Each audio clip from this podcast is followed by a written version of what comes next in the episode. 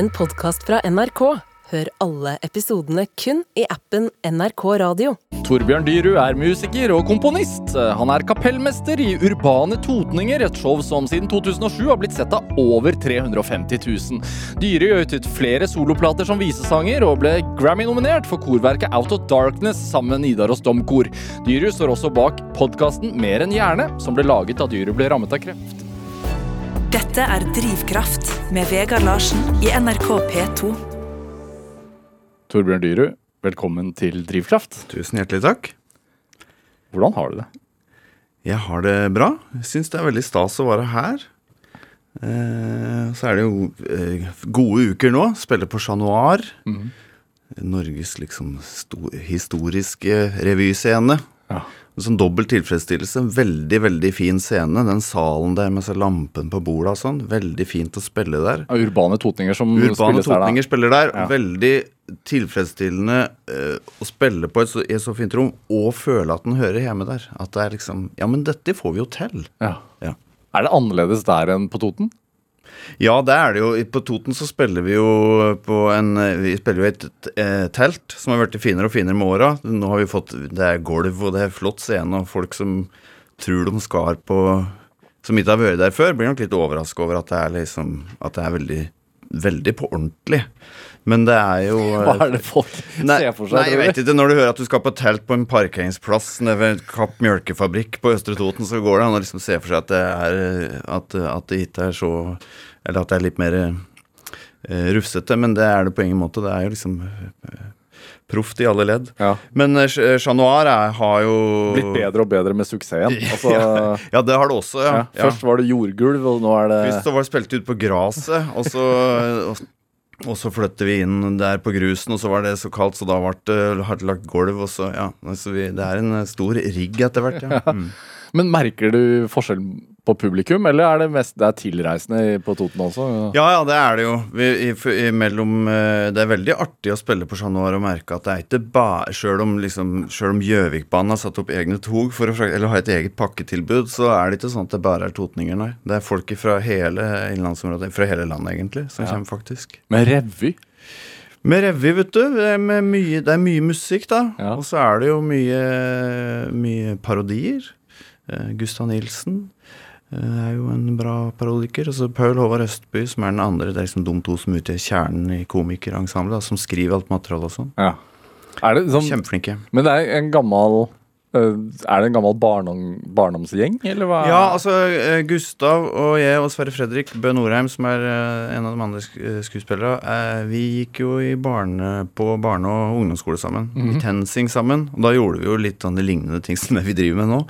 Og så er det folk som vi Resten av bandene er jo folk vi har spilt sammen. Jon Anders Narum og Levi Berger og Håvard eh, Gjestvang er jo folk som jeg, vi har spilt sammen i oppveksten, ja. Ja. Absolutt. Og så er det Ida Marie Ringerud som er med i tillegg, da. Hvilken fordel gir det?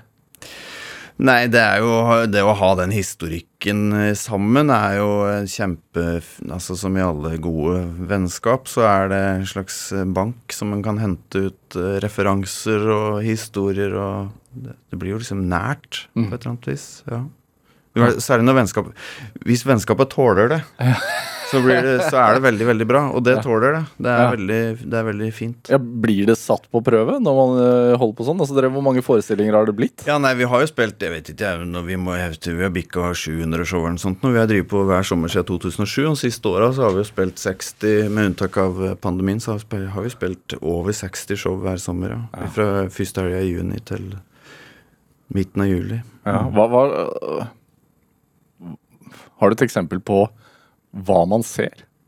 Hva man får se? Ja, Eh, ja, vi har mye sånn Da vi skulle plukke ut best Det er litt sånn best of-nummer. da Vi hadde jo 250 nummer å velge mellom når vi skulle inn på Chat Noir, så vi skulle plukke ut det beste. Og da, da ble det jo mye sånn musikalsk humor, da. Eh, eksempel at vi har en hyllest, at det, det, tre av skuespillerne skal hylle da hver sin artist, og så kommer og er i gang med et potpurri, og så kommer da eh, fjerdemann inn og vil gjerne hylle Arnie Skiffle-Joe, som spilte på Tranen i Oslo i mange mange år. Som, Med, på enhjuling. På enhjuling med og fortalte groviser, hvor han tok bort alle punsja sine med å spille Bert-Bert. Ja. Og så har vi lagd en slags musikal som kavalkade som hele tida blir avbrutt, da, hvor alle åtte spiller ganske sånne intrikate greier hvor det blir Uh, ja, det blir komisk fordi det er liksom brytes av det, eller for eksempel eh, at vi spiller Waterloo som om vi har øvd den inn etter ei plate med hakk i. Og det er også sånn som og koreografien og alt liksom hakker og rykker og går. Så sånne ting, kan man si.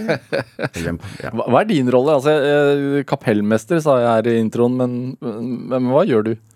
Jeg sørger jo for at jeg vei, eh, Jeg sørger for at alt notemateriale som behøves, er på plass på forhånd. Sånn at når vi kommer på øvelse, så veit eh, så vet jeg eh, hva det er vi skal lære oss.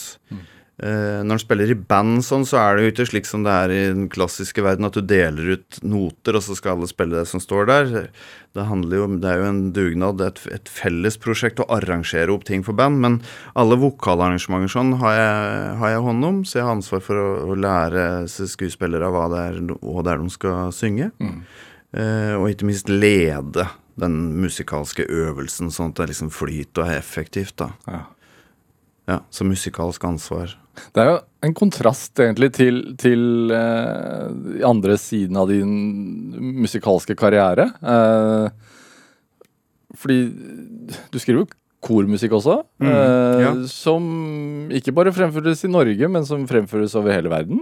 Ja, det var helt komisk. Her i forrige uke så kom det en så datt inn sånn mail fra den der websida mi hvor jeg selger disse kornotene. Da var det noen i Japan som hadde kjøpt, kjøpt et korstykke som heter Laughing Song. Som, eh, og det er jo rart. Jeg veit at det har vært gjort. Det ligger på YouTube liksom koris fra Singapore som synger musikk jeg har skrevet. Veldig rart. Veldig smigrende. Veldig fint. Så- Hvordan, er, hvordan foregår det? Altså Du sitter hjemme og skriver noter. Hvordan gjør Ja, det, ja, ja altså det, no, den kormusikken er jo ren papirmusikk. Altså Da lager du et partitur som, hvor du skriver ned alt. Altså alle stemmer, alt, og dynamikk selvfølgelig, åssen og tempo og alt. På måte, altså Som en gammeldag, gammeldags komponist, på en måte. Du skriver det på noter, sånn Ja. at det, hvem som helst som plukker opp den nota om ei uke eller 30 år, kan framføre eh, synge, lese det som står på nota, og få det til å bli, bli liv. Ser du, altså, når du skriver det, hvordan hører du det for deg? Eller Ja, jeg bruker jo, jeg bruker jo mye piano. Etter at jeg liksom kjøpte meg eh, Mac og utstyr til å spille inn ting, så har, så har jeg begynt å synge inn veldig mye. At jeg skisserer det med å synge for, for å vite akkurat åssen det let. Ja. Eh, For å få det til å sitte akkurat som jeg vil. Så, og så er det ganske mye artigere, syns jeg òg, å jobbe med liksom levende lyd i, i studio enn å enn enn bare med papiret. Men det hender at jeg tvinger meg til å sitte med bare piano, papir og blyant òg. For det er litt andre da, Det blir litt annerledes da. Det kommer ut litt annerledes. eh, Det blir annen type musikk av den motstanden, på en måte, som ligger i At det er litt lengre avstand ifra tanke til lyd. Ja, når du faktisk skriver eh, Ja. analogt, Mm. holdt jeg på å si. Ja, hvor, sit, hvor sitter du da? Du, jeg har laga meg et fantastisk arbeidsrom hjemme, for var ferdig i høst. Så jeg har gått ifra åtte-ni små kvadratmeter bak i garasjen til å ha 45 kvadrat med takvinduer og digre, digre vinduer mot eh, en grandios hage. og Altså grandios i, i, i forstand størrelse. Ikke Det er ikke noe Versailles, akkurat. Vi har en sånn grasklipper som går der og holder det pent, også, men en nydelig bjørker og så mye øsa bak der. og sånn så. Mm. Ekte, ekte bygdeidyll. Ja, og og den, den idyllen fører til at man blir inspirert, og så tenker de i Japan jaha, dette her. Så tenker de at dette der skal vi da jommen synge. Ja. Skal vi høre litt på Laughing Song, siden du nevner den?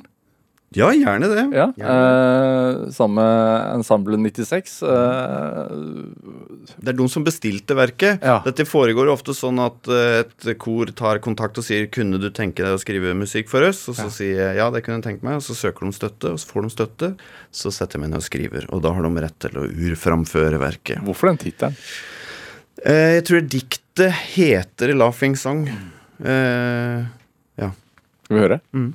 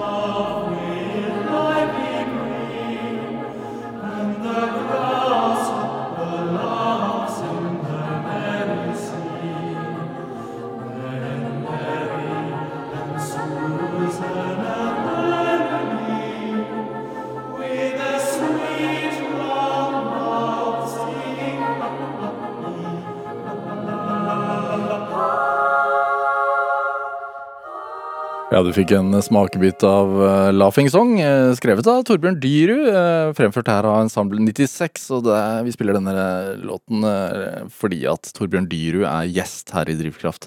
Låt? Ja, man sier låt? Eller hva sier man? ja, verk eller sterke kan vel kanskje si om dette, ja. Ja, takk. Mm. Mm. denne kommer jo i 2017. Ja. et spesielt år for deg? Ja.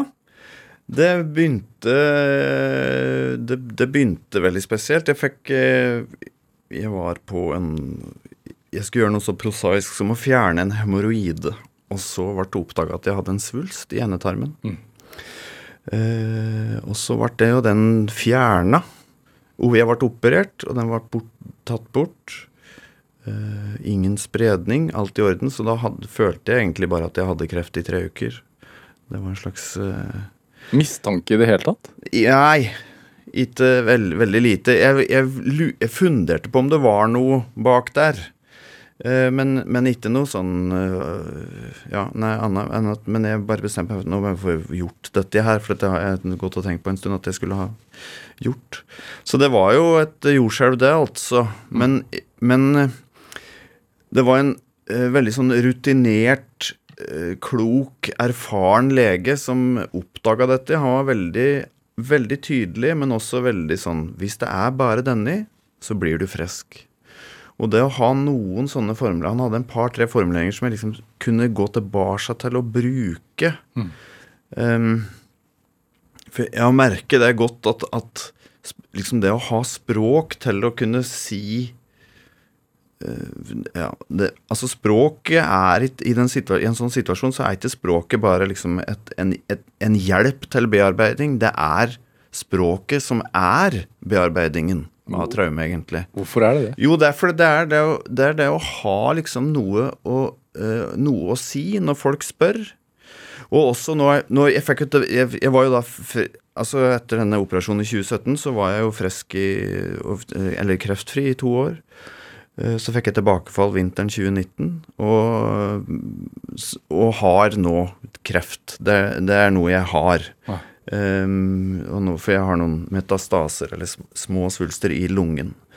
Uh, som ikke blir borte med mindre det skjer liksom noe, noe spesielt, eller uh, Og det er jeg også helt åpen for. Det hender at det skjer ting som folk ikke forstår.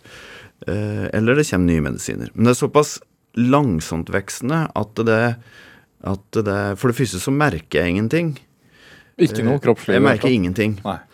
Uh, og, og, og, nettopp derfor så er det med språket blir på en måte hva, hva det er jeg sier til meg sjøl og til andre mm. om dette. Det er, det er, det som blir virkeligheten, på en eller annen måte. For det er jo et det er jo jeg veit at disse flekka er inni brystkassa mi, men jeg, kjenner, jeg kjenner det jo ikke. Så hvis jeg, hvis jeg liksom skal velge Og språket vårt er liksom rigge for Altså språk Ord og vokabular rundt kreft er veldig sånn krise er fortsatt veldig prega av sånn som den medisinske situasjonen var for hva da, 25-30 år siden, hvor det var nesten synonymt med en dødsdom. Det er ikke sånn lenger. Det er tre fjerdedeler av de som får en sånn diagnose, er jo overlever eller lever med. Så det er jo en kronisk tilstand mer enn det er en, en sånn konstant dødstrussel. Og da, ja så, Derfor så blir liksom disse her um, å, finne formuleringer man kan bruke. For eksempel, det er veldig rart når folk sier 'jeg hører at du er sjuk'. Som jo er jo helt, helt naturlig. Veldig ja. naturlig at folk sier det. Ja. Hvordan, hvordan hører du det? Og så Men hvis jeg skal velge nå, her jeg sitter akkurat nå, eh, om, om, jeg er frisk eller sjuk, så er det jo uten tvil frisk. Mm. Så det er det paradokset at, at jeg har liksom god helse og kreft. Ja. Så, hvordan Når du forteller det til noen som ikke vet det mm.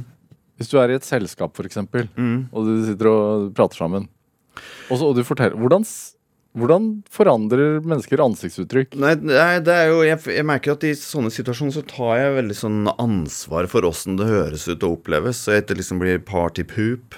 Altså at det virkelig liksom For det, det er jo noen som er veldig Det er, veld, det er veldig godt og fint å liksom føle den empatien. Eh, selvfølgelig at folk eh, blir jo liksom genuint interessert. Men det, det, er jo ofte at det går Du kan jo liksom se at det går et slags ras gjennom noen. Mm. Nå hadde vi det så hyggelig her, så skal, du, skal du komme her med den kreften din? For jorda det. Men jeg er veldig opptatt av å si, eller liksom å understreke at uh, sånn som jeg har det nå, sånn, sånn, som det ser ut som jeg har det nå, sånn har jeg det. Ja. Eh, som forhåpentligvis er uh, at jeg, at jeg, også ser Nå har jeg jo fått tatt hår og skjegg òg, så nå ser jeg jo riktig så fresh ut. Ja, for Jeg må innrømme at da, da du kom i, i stad, da jeg tok deg imot, mm. så tenkte jeg han ser jo så frisk ut. Ja, ja. Nei, det, jeg, jeg, jeg, var, jeg hadde åtte kurer i høst, og så var jeg ferdig med den behandlinga 5.-6. desember. Og så, hva, er en, hva er en kur? En kur er, det er cellegift. Ja. Så da er jeg på sjukehuset eh, på Gjøvik eh, to dager. Sitter med en nål i armen. Første dagen sitter jeg tre timer. Eh, andre dagen sitter jeg en liten time. Og så da er jeg helt slått ut i fire dager. Ligger rett ut, gjør ingenting, stort sett. Merker man, merker man dem idet det kommer inn ja, i kroppen? Ja, i løpet av Det er en kombo Jeg får et kvalmestillende middel som er veldig sånn Som er sånn rød trekantgreie. Ja. Så den liksom kommer sigende på i løpet av en par, tre, par, par første timer. Så blir jeg ordentlig rødtinn. Um, og udugelig. Og så kan jeg kjenne det helt fysisk. Altså når det, når det slipper. Enkelte ganger så kan det liksom uh, ja, det blir eksplisitt, da. Men altså, vi, altså Gå på do, mm.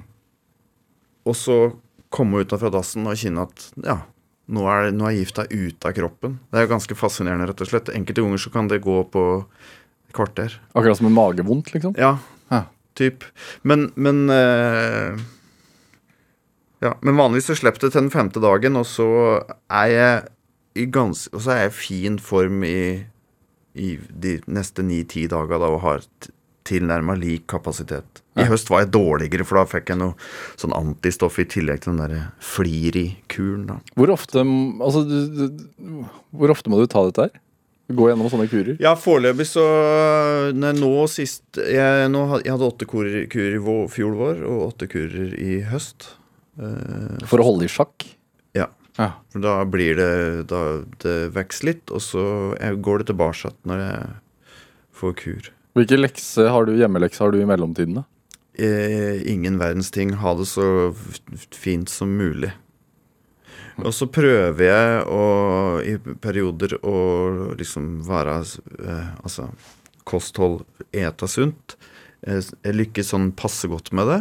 Det er eh, Innimellom så er det liksom Det har jo hele tida vært viktig for meg at dette ikke skal ta over livet mitt mer enn høyst nødvendig. Mm. At jeg liksom kan ha det som sånne type liksom, At det ikke skal være sånne store svarte skilleark i dagboka, liksom, men at det skal være sånne Post-It-lapper på sida som noe som foregår parallelt med at jeg lever et, et liv.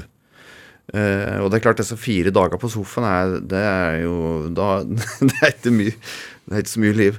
Men uh, jeg, prøver å bli flinkere til å binche. Jeg er ikke noe god til å binche, så jeg prøver å binche litt på ja. fjernsynet. Uh, jeg får ikke helt til det heller, men ja. Nei, så slik. Mm. Slik er det. Hvordan Men det du sier prøve å leve et normalt liv, uh, gå gjennom kurer med mellomrom, men det å prøve å leve et normalt liv, får man det til? Eller ligger det og murrer? Altså Nå er jo dette Nå er jo på fjerde året med dette spøkelset, eller hva skal si Dette svarte dyret ja. lus, lusker bak meg. Er det sånn det føles? Ja, innimellom, så, men det var sterkere i begynnelsen. Mens nå Du kan si Altså det fins jo eh, Hva skal en si for noe, da? Det er jo noe annet å forholde seg til noe som oppleves som kontrollert, enn å gå der og Altså, det verste er disse dagene som går fram Nå tok jeg bilder nå på mandag, og så skal jeg på kontroll eh, 7. mars og få høre, liksom, altså om to uker, og få høre åssen det ser ut. Mm. Og det er sånn emosjonelt eh, definitivt de mest turbulente daga er opp mot det møtet.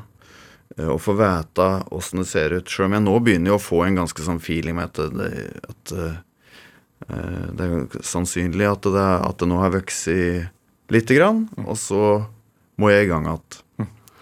Um, og så er det jo paradokset at når en vel er inni, sjøl om det er, det er noe det er ordentlig bedritne dager når man ligger rett ut, så, så er det jo også sånn mentalt noe trygt med å være i behandling, for da blir det gjort som kan gjøres.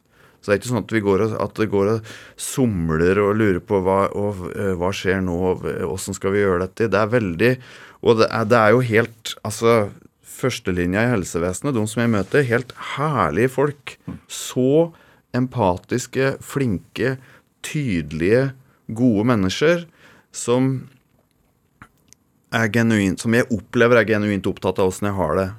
Eh, og som håndterer dette på en sånn fi, med en sånn veldig fin balanse mellom empati og, og eh, pragmatikk, altså praktisk Ja. Mm. Mm. Det fysiske er jo én side av det, men, men det psykiske, altså det,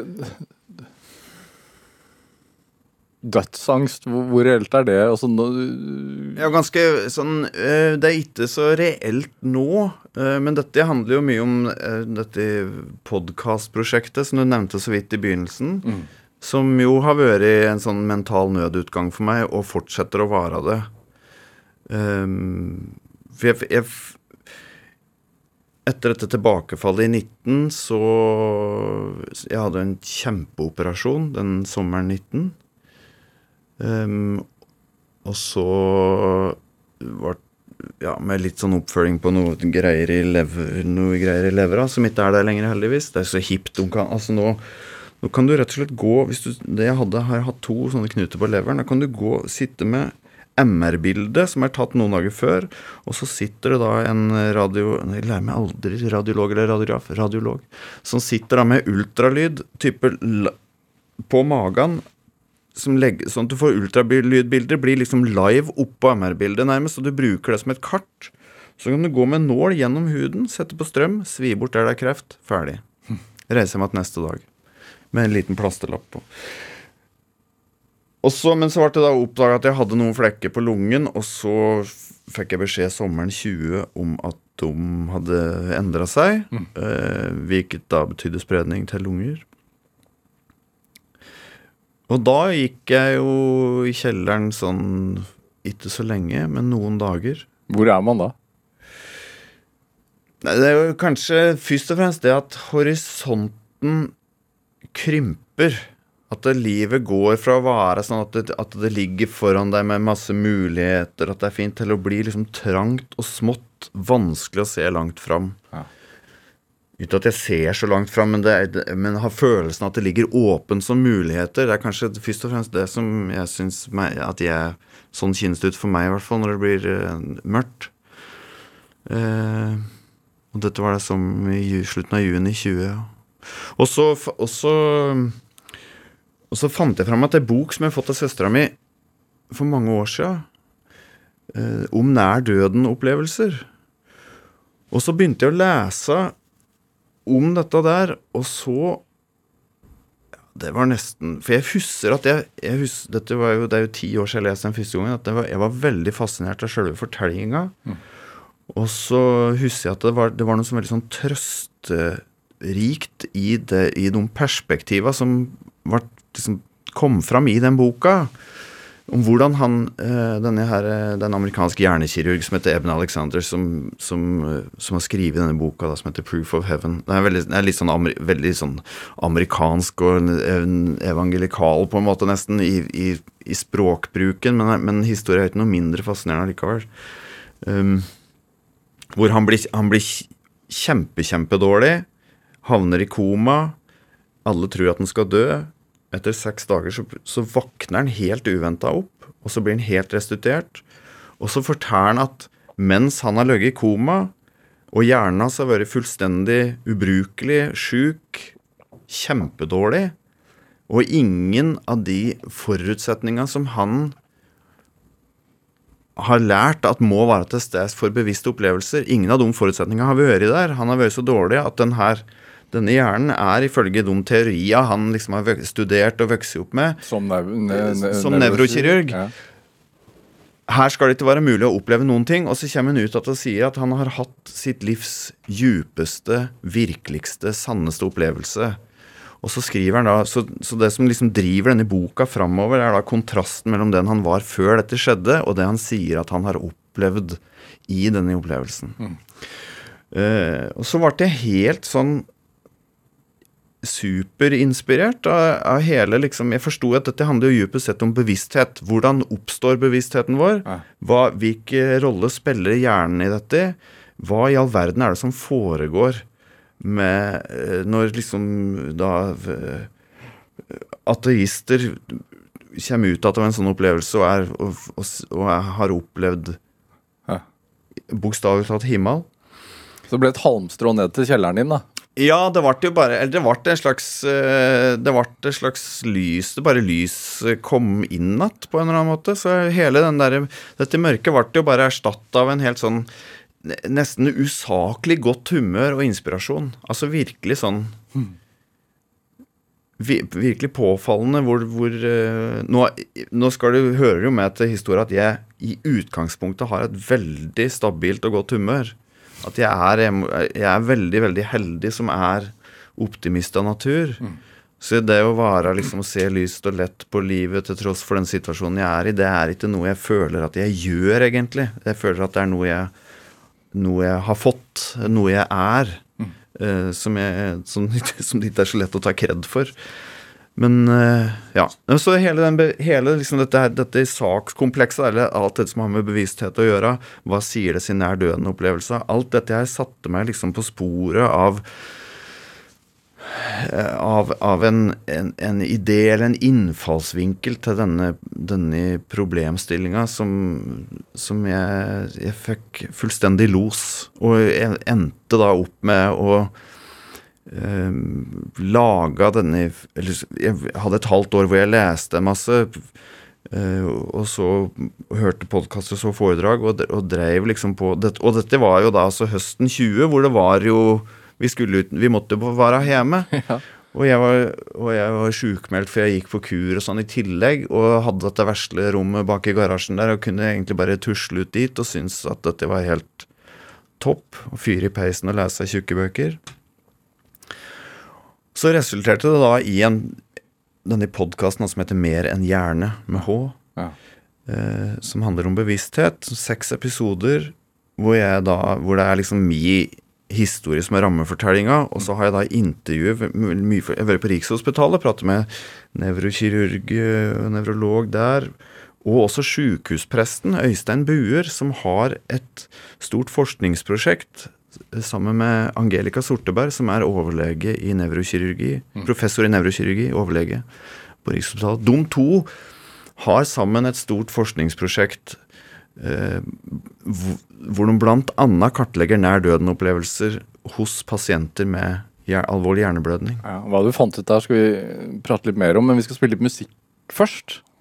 Eh, Jepp. for vi, vi hørte jo litt av et, eh, et korverk eh, du har laget, men, men du er visesanger òg. Ja. en, av, en av låtene dine heter 'Dette er, dette er hjemme', mm. eller 'Dette er hjemme', uh, som jo handler om Toten. ja. Uh, En klisjé, altså, men ser man eh, omgivelsene annerledes etter man får en sånn eh, Får et sånt budskap om at Ja, man er syk? altså, ja, det vil jeg si. At det, at det er en annen Blir mer Blitt mer følsom. Lettere for å bli rørt. Man blir Det blir Det blir jo tydelig for en at vi, at det er en del sånn hverdagslig tjafs som i, i det store bildet er ikke er så viktig. Det blir tydelig for en hva som er altså, eh, Kjærligheten, eksempel. Hva kjærlighet er. Empati. Snille med noen. Esteti estetisk. Ja, det, så det, det kan man godt si. At den blir mer ja. mm. Betyr den låten da mer for deg nå? Jeg vet ikke om den betyr mer nå enn den, eh, den Ja, dette, dette er et stort spørsmål, egentlig. Dette hva slags forhold den har til tingene den har laga. Men den, den betyr noe for meg fordi den har begynt å bety mye for mange andre.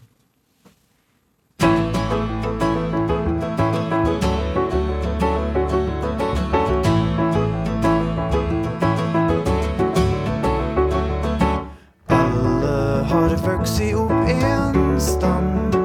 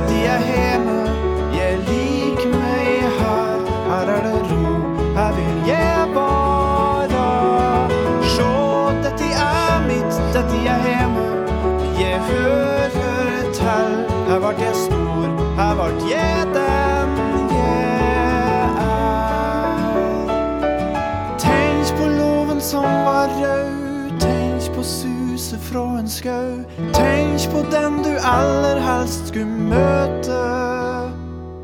Stellet som var bare ditt og ingen skulle sjå.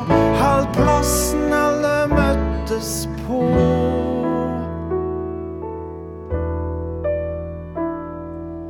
Her, her vil jeg bo, dette er hjemme. Jeg liker meg her, her er det ro. Her vil jeg være. Sjå, dette er mitt, dette er hjemme. Jeg hører til. Her vart jeg stor, her vart jeg den jeg er. Her, her vil jeg bo, dette er hjemme. Jeg liker Ja, du fikk en eh, smakebit av Torbjørn Dyrhus. Eh, Dette er hjemme her i Drivkraft på NRK P2. En låt vi spiller i dag fordi at eh, musiker, komponist og podkastskaper Torbjørn Dyrud er dagens gjest her i Drivkraft. Blir man mer melankolsk med årene? Eh, melankolsk Jeg veit ikke. Jeg veit ikke. Sentimental, melankolsk Jeg tror kanskje For meg så er det nok ikke dekkende med det ordet, men at det, at det kan bli mer opptatt av disse, de nære ting. At den får en slags djupere forståelse for hva som faktisk betyr noe. At den blir mindre mindre opptatt av, av andre greier, kanskje. Ja. Og at i det ligger det en sånn Det er klart at jeg, vi, har, vi har jo tre eh, unger. Min eh, kjære kone og jeg. Og, og som nå er da 23, 21 og 17 snart, alle tre. Og da kan det jo bli sånn eh, ikke melankolsk, men nostalgisk og litt sentimental innimellom. Når jeg blir sånn Herlighet, sånn var det. sånn var det. Se på dette der vesle der. Kunne liksom løfte opp og sette på fanget, og så skulle vi bla i den der boka med det der toget som skulle til Drammen. Og det er liksom det Da kan jeg jo bli sånn eh, rørt. Ja. Og det er jo noe som kommer med åra, kanskje. Ja. Ja. Mer følsom. ja. Lett, mer lettrørt. Definitivt. Det med Hva sa barna og kona di da du begynte å sysle med denne podkasten din, da? Som egentlig Altså, den, handl, den handler jo om bevisstheten, hva som ja, skjer med bevisstheten etter Mm. at man dør. Måtte Det handler jo litt om liksom livet etter døden. Ja, ja. Det, det, det handler definitivt om livet etter døden. Det, du måtte jo på en måte utstå eh, at jeg min monomani, som kan være ganske sånn intens å, le å leve med. Ja. Eh, For jeg blir så opptatt av det jeg driver med, at jeg, at jeg har bare lyst til å drive med det hele tida. Bare prate om det hele tida. Ja. Det er sånn, må jeg, må jeg må jeg gå inn og smøre brødskive nå? Jeg har jo bare jobba i seks timer. At den blir sånn Ja. At det, det har de jo liksom måttet Far har garasjetid. Far har garasjetid. Jeg går ut, jeg. Men, men eh, jeg, jeg synes, Jeg tror nok kanskje ikke at uh, sjølve eh, Det at jeg liksom vil lage At jeg ville lage denne podkasten, tror jeg var en slags sånn eh, bare naturlig følge av at denne interessen For det, da hadde jo liksom Det hadde jo gått et halvt år der hvor, jeg, hvor denne ideen liksom ble mer og mer eh, konkret etter hvert, da. Men jeg leste om disse tinga. Men det viktigste er at de, de så jo hva dette gjorde med meg. Og hva gjorde du med det? Nei, det var jo denne her gleden, denne denne, At jeg var tilbake til å være sånn som jeg bruker å være. Kanskje enda litt eh, lettere til sinns, faktisk. Ja. Hva, hva var det du fant ut eller hva, i disse samtalene du har med, med forskjellige personligheter som, som er eksperter på hver sitt område? Da? Og det er vitenskapsfolk innenfor vitenskapen og alt. Hva, hva var det som gjorde at det gjorde deg lettere til sinns? Altså, hele dette prosjektet har liksom eh, på en måte reaktivert eller åpna opp at den, den åndelige liksom dimensjonen i livet mitt. Det er nok kanskje det Jeg tror det er, er, er nok overskriften over dette. For jeg har jo vokst opp med Jeg gikk jo, som vi nevnte, vi gikk jo i TenSing uh, Gikk jo TenSing i oppveksten. Uh, har jo vokst opp i et, i et eh, hem Et kristent hjem, som man sier. Eh, med en far som dirigerte kirkekor. Jeg var ofte i kirka. Og KFK KFM var for meg et utrolig fint eh, stelle og vare. Jeg syns det var åpent. Jeg har et helt Jeg har en sånn oppvekst med, med Som er prega av liksom kristendommen som sunt, forløsende, ufarlig. Altså bare bare fint, rett og slett. Ja. Ingen sånne usunne maktstrukturer og, og sånne mørke greier. Bare veldig, veldig fint. Trygt og positivt. Ja, trygt og positivt. Og så, øh, og så har jeg jo hatt et savn Jeg, jeg er jo utdanna kirkemusiker. Jeg har jo studert kirkemusikk, og jeg har studert kordireksjon. Og da forholder en seg jo selvfølgelig til fryktelig mye musikk som er laga for kirka. Du spiller orgel, for Jeg spiller orgel også. Og, og øh, Men etter at jeg ble frilansmusiker i 2007, så har det jo i liksom mye underholdningsbransje og lite kirke. Eh, Og det har vært et savn, og var egentlig litt sånn fjernt og langt borte for meg eh, på dette tidspunktet, da, den 20, sommeren 2020, i det som på mange måter må sies å være mitt livs største krise.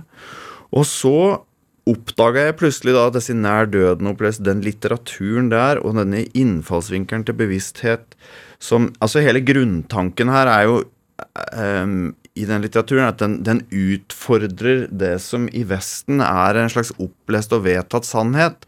At hjernen skaper bevissthet. Når hjernen dør, så kan ikke bevissthet eksistere. Dette er, men dette er, en, dette er jo bare en hypotese. En teori som man har hatt nå i 150 år, kanskje, i Vesten, som man enda ikke er i nærheten av å klare å underbygge. Man har liksom aner bare små glimt av hvordan dette her egentlig henger sammen.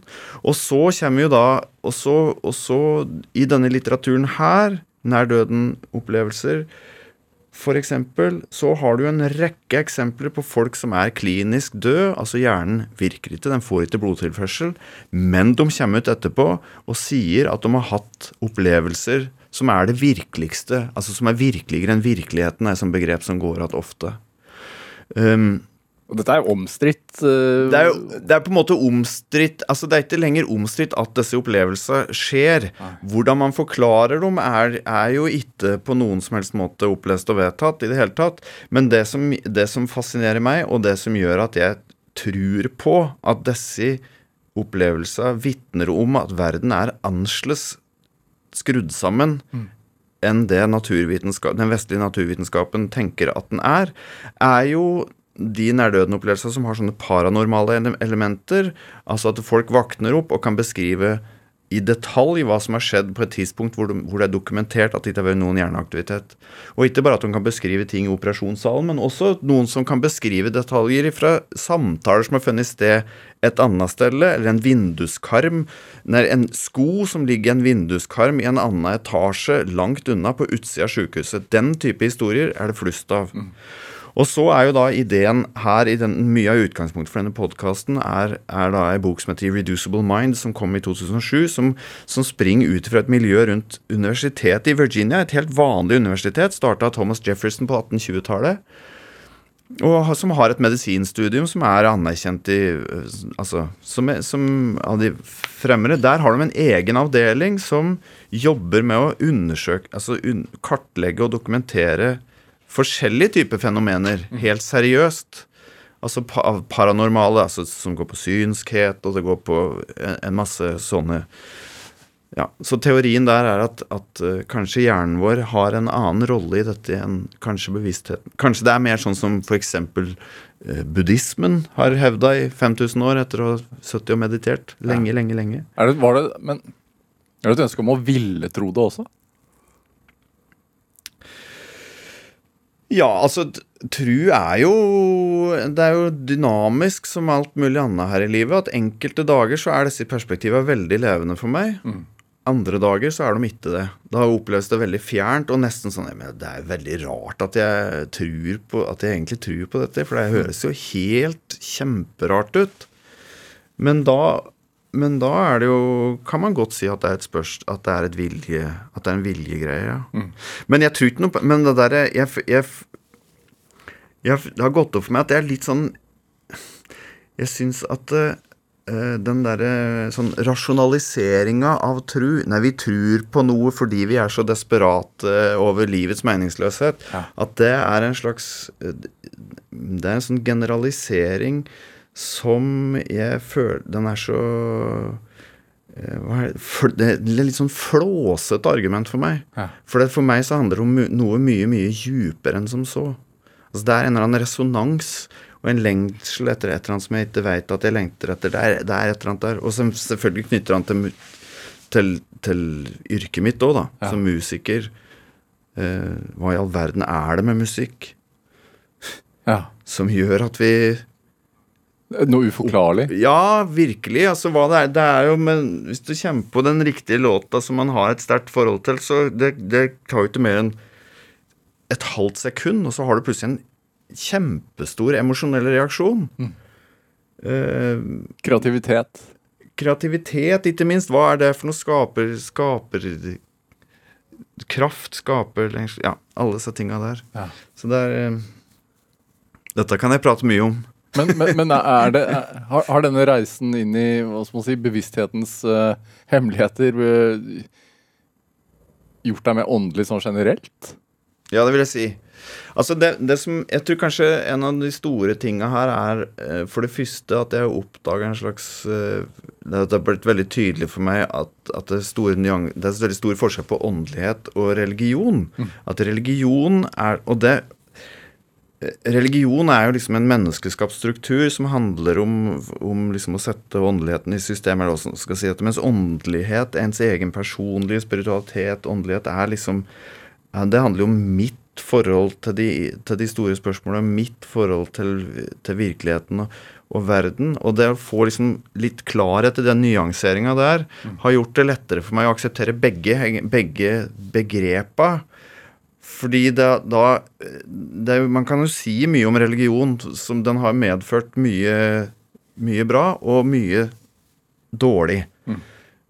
men det er, lett, det er på en måte lettere å forholde seg til det når, når det er eh, Når når en kan tenke at dette her er den, At den er menneskeskapt, og det betyr at den må nødvendigvis ha liksom alle våre svakheter og eh, tatt opp i seg på et eller annet vis, da. Har det gjort at det er lettere å forholde seg til døden også? Ja, definitivt. Helt sikker på at det skjer et eller annet etter døden som vi ikke har noen grunn til å grue oss til. Virkelig. Det Ja.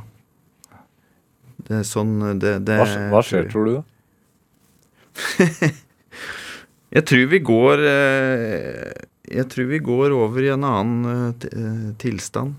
Jeg tror at det, det som vi er, sånn helt grunnleggende djupt sett, ikke er knytta til eh, kroppen på den måten vi tror at det er. Møter du mye motstand på det? Jeg møter overraskende mye åpenhet. Det er noen det er, det er, en- Innimellom møter jeg noen som jeg merker er sånn grunnleggende kjempeskeptiske. Men generelt så merker jeg at dette er noe mange har behov for og lyst til å prate om, og som de sjelden prater om. Vi har jo i Norge så Eller sånn sånn som dette landet er med sekularisert og en enorm materiell velstand. Vi er jo materialistiske både i overført og konkret betydning. Så er det veldig lite rom for, for denne type samtaler, for å prate om disse tinga. Enda alle kinn... Vi, vi, vi, alle skal dø. Alle kjenner noen som dør. Um, ja. Mm. Så det, det har vært en slags kongstanke her med den podkasten. At hvis det går an å liksom bidra til at folk kan ha sånne samtaler, og åpne sinnet, eh, så er det Det hadde vært noe. Du, du I podkasten så Og du nevner jo også øh, betydningen av, av faren din nå i samtalen her, at uh, i forhold til din vei inn i musikken, på en måte. Uh, og du snakker jo også en del om han i, i podkasten. En, fin, en, en, en he klassisk hedersmann, vil jeg si. Nei, han var en veldig, veldig fin og god far. Uh, han døde i 2009. Han fikk eh, han svulst på hjernen, så det gikk ganske fort. Eh, han var lensmann, sånn utdanna politi og jobbet som det hele livet. Men veldig opptatt av musikk, veldig glad i musikk. Eh, og da kanskje spesielt kormusikk. Dirigerte kirkekoret hjemme på Toten i 25 år. Var du med dit som barn? da?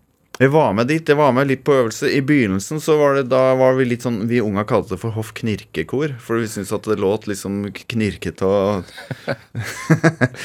Men etter hvert så ble det jo med og sang. Hva, hadde du noen Siden du snakker om musikk som kanskje noe åndelig, eller sånne, hadde du noen sånne opplevelser som ung? Siden du har Ja, egentlig hele tida, egentlig hele tida. Men da, det høres jo ut som men, men ikke sånn Jeg har jo ikke hatt noen sånne grenseoverskridende type liksom eh, rare, mystiske opplevelser i mitt eget liv. Men jeg forstår jo nå at at eh, disse her eh, Altså min måte å liksom håndtere det emosjonelle uværet som eh, kan prege ungdommen um, Selv om jeg var stabil da òg, så var det jo veldig viktig for meg, etter å ha opplevd noe sånn stort, et eller annet følelsesmessig sterkt, å kunne gå ut i stua og sette meg ned og spille piano og improvisere. Og improvisere og kunne spille i en halvtime, tre kvarter, time. Bare, bare liksom at det bare renner ut. Hvor tidlig gjorde du det? Dette begynte nesten med en gang. Jeg begynte å spille da jeg var ti, og jeg har jo aldri vært noe flink til å øve repertoar. For jeg liksom setter meg ned med repertoaret, og så har jeg kanskje drevet med det i tre-fire minutter, og så våkner jeg liksom etter en halvtime og har gjort noe helt annet. Og jeg skjønner jo nå at, at der, disse opplevelsene der er jo en form for meditasjon. Må ha vært Eller at jeg, jeg, tror jeg, jeg tror jeg bare kan si at det er det det er, på en måte. Og at jeg på den tida opplevde jeg tror etter hvert nå etter, etter musikk på sitt beste og mest følsomme er Eller uansett, egentlig. Musikk er Jeg har en slags fornemmelse at det er ikke bare et symbol for noe annet, men at det er sjølve At det er rett og slett Det er en annen slags kontakt der med det hinsidige. Som, altså det er lyden av evigheten på et eller annet vis. Altså Dette blir jo veldig sånn stort og blomstrete, men, men det er et eller annet der. Fordi det virker så djupt. Og jeg tenker, altså, og lyd, altså lyd i det hele tatt. Nå driver de jo på i USA et selskap der som har, som har ved hjelp av ultralyd endra molekylstrukturer i, i svulster i lever, sånn at svulsten kollapser, og immunforsvaret tar resten. Ikke-invaderende behandling som eh, Ja. Så der er det Der er det mye. Du er jo utdanna dirigent også. Kordirigent. Mm. Hvordan er det å stå foran koret? Det er, veldig, det er veldig fint å stå foran kor. Nå er det jo mange år siden jeg har dirigert. Jeg har liksom aldri stengt den døra ordentlig, men jeg måtte ratte om kursen for eh, en del år siden, fordi jeg fikk så lite tid til å spille og skrive. Du var dirigent i Oslo Kammerkor, f.eks.? Ja, jeg, to, jeg, jeg, var, jeg hadde dem, jeg fikk liksom Jeg tok over den til Grete Pedersen. Og så gikk det bare et halvt år hvor jeg skjønte at nei, det blir for mye av dette. Det blir for lite av det andre. Det var litt sånn rystende, egentlig, at jeg liksom måtte legge om, for da hadde jeg jo studert dette i mange år og var sånn hadde en slags karriere på gang der. Men eh, Men det var eh, For meg så ble det litt for langt Litt for lang tid før du kommer til selve saken. Altså liksom Man må jobbe så mye Så lenge det Altså det er jo de færreste forunt å jobbe i en liksom proffsetting hvor du kommer og så synger folk to feil to, men ikke tre ganger. Uh, og det, det er ikke det som er på en måte korvirkeligheten i, her til lands, sjøl om det har kommet seg veldig, veldig. Så derfor så måtte jeg liksom bare omprioritere litt. Ja. Må, om, har du omprioritert etter at du fikk uh, den uh, åndelige oppvåkningen på nytt? Jeg er ikke sånn dramat Jeg har litt lettere for å akseptere at jeg hopper og spretter litt. For jeg er jo litt sånn øh, Jeg, jeg syns det er så artig å gjøre Det er så mye forskjellig jeg syns er artig. Så det er litt sånn felle jeg kan gå i noen ganger. At jeg blir liksom driven på Å ja, men Og så er det noen som spør Ja, kunne tenke deg å gjøre det? Og så Å, det har jeg aldri gjort før. Det får jeg sikkert til. At det er den Pippi Jeg, blir- jeg blir sånn smigre og gira og så greiene der. Så jeg har liksom gjort veldig mye forskjellig uten å klare å liksom lande én ting som jeg gjør grundig og til topps eh, for evig og alltid. Eh, Men det er på en måte det som er Men jeg har nok vært roligere Roligere på at det er, det er greit. Er musikk trøstende? Ja. Du foreslo at vi kanskje skulle spille en Sting-låt som heter So To Speak. Ja. Har den vært trøstende for deg? Ja, det er bare en fantastisk tekst. Han sier noe om kjærligheten inni der. For det er jo liksom Kjærligheten er jo liksom den røde tråden i, all, i, den, i denne podkasten og i alle disse opplevelser. De nær døden-opplevelser sier de, de, de Det er veldig, veldig vanlig at de forteller at de er i en tilstand hvor de hvor alt er gjennomsyda av en betingelsesløs kjærlighet. Som er helt grenseløs. Um, og i, han, Nå husker jeg ut av den teksten utenat, men, men han, han sier noe om at, at i all vår streben etter å leve evig Så det eneste det skipet har egentlig gått for lengst. Men det som består, er kjærligheten. At den er Love is the saber, love is the shield. Uh, og at kjærligheten er liksom det, den eneste virkelige kraften vi besitter. Eller ja, det er et eller annet sånt. Så Elsker man de som er nære enda mer? Ja Man elsker kanskje mennesker mer. Større toleranse, syns jeg.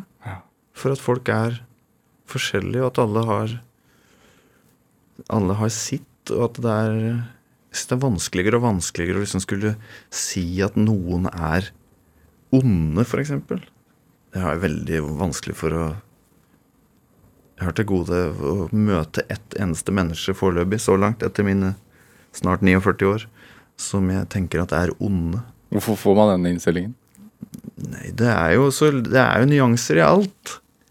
Det er så mange som har opplevd Altså, vi, vi står jo i en sammenheng. Vi opplever jo ting som former oss. Og at noen er kjempeklønete til å håndtere andre eller sine egne følelser, det er, kommer jo fra en stand. Jeg tror vi er grunnleggende gode. Torbjørn Dyrud, hva Du er kunstner og musiker, og så har du laget denne podkasten og fått kanskje en ny innsikt i ditt eget liv. Hva, tenker du er drivkraften din nå? Jeg tror at drivkraften min er skapervilje, skaperglede. Gleden over å skape noe. Og det kan være, det kan gi seg utslag i alt ifra liksom å lage musikk, selvfølgelig, til å bake et brød som ble fint. eller eh, ja, gjøre et eller annet praktisk snik, snikker et eller annet som blir Kan jeg stå og se på den, men den har vært så fin, den har vært. Jeg har voldsom glede i å lage ting, ja. Ja, hvorfor det, tror du? Jeg veit ikke. Det er bare øh, Det ligger i, ligger i meg djupt at Jeg, jeg vet ikke hvorfor jeg har sånn glede av det, men jeg har det. Torbjørn Dyrud, Ja. Tusen takk for at du kom til Drivkraft. Takk for at jeg fikk komme. Hør flere samtaler i Drivkraft på nrk.no eller i appen NRK Radio. Send oss gjerne ris eller ros, også tips til mennesker som du mener har drivkraft. Send en e-posten til drivkraft.krøllalfa.nrk.no. Vi hører veldig gjerne fra deg. Produsent i dag det var Kjartan Aarsand, mens Camilla Bolling-Muir gjorde research-sendingen. Dette var Drivkraft. Jeg heter Vega Larsen. Vi høres. Du har hørt en podkast fra NRK. Hør alle episodene kun i appen NRK Radio. Jeg heter Mona Myklebust, og i år 2000 jobbet jeg som nyhetsjournalist her i NRK. Da skjedde det noe som aldri har skjedd i Norge før, knapt noe sted i verden. I Hjelmeland i Rogaland har en mann forskanset seg i en barnehage. En mann tar ti ansatte og 26 barn til fange. Han har en hjemmelaget bombe og truer med å sprenge barnehagen i lufta. Altså, det var sånn som vi trodde bare skjedde i Amerika. Og iallfall ikke på lille Hjelmeland. Nyheten om gisselaksjonen blir kjent over hele verden. Nå snakker de om eh, det som skjer på, på Hjelmeland, på CNN og overalt. Inne i barnehagen strever livredde ansatte med å holde barna i ro. Jeg tenkte han har faktisk tatt kontroll over mitt liv og alle de andre sitt. Vi har ingenting å stille opp med. Gisseltakeren krever å få snakke på TV. Men skal en bevæpnet mann få være med i en direktesending? Ingen tvil om at det var den eh, tøffeste og vanskeligste avgjørelsen jeg som journalist eh, noen gang har gjort. Hør Gislene i barnehagen fra 16. februar i appen NRK Radio.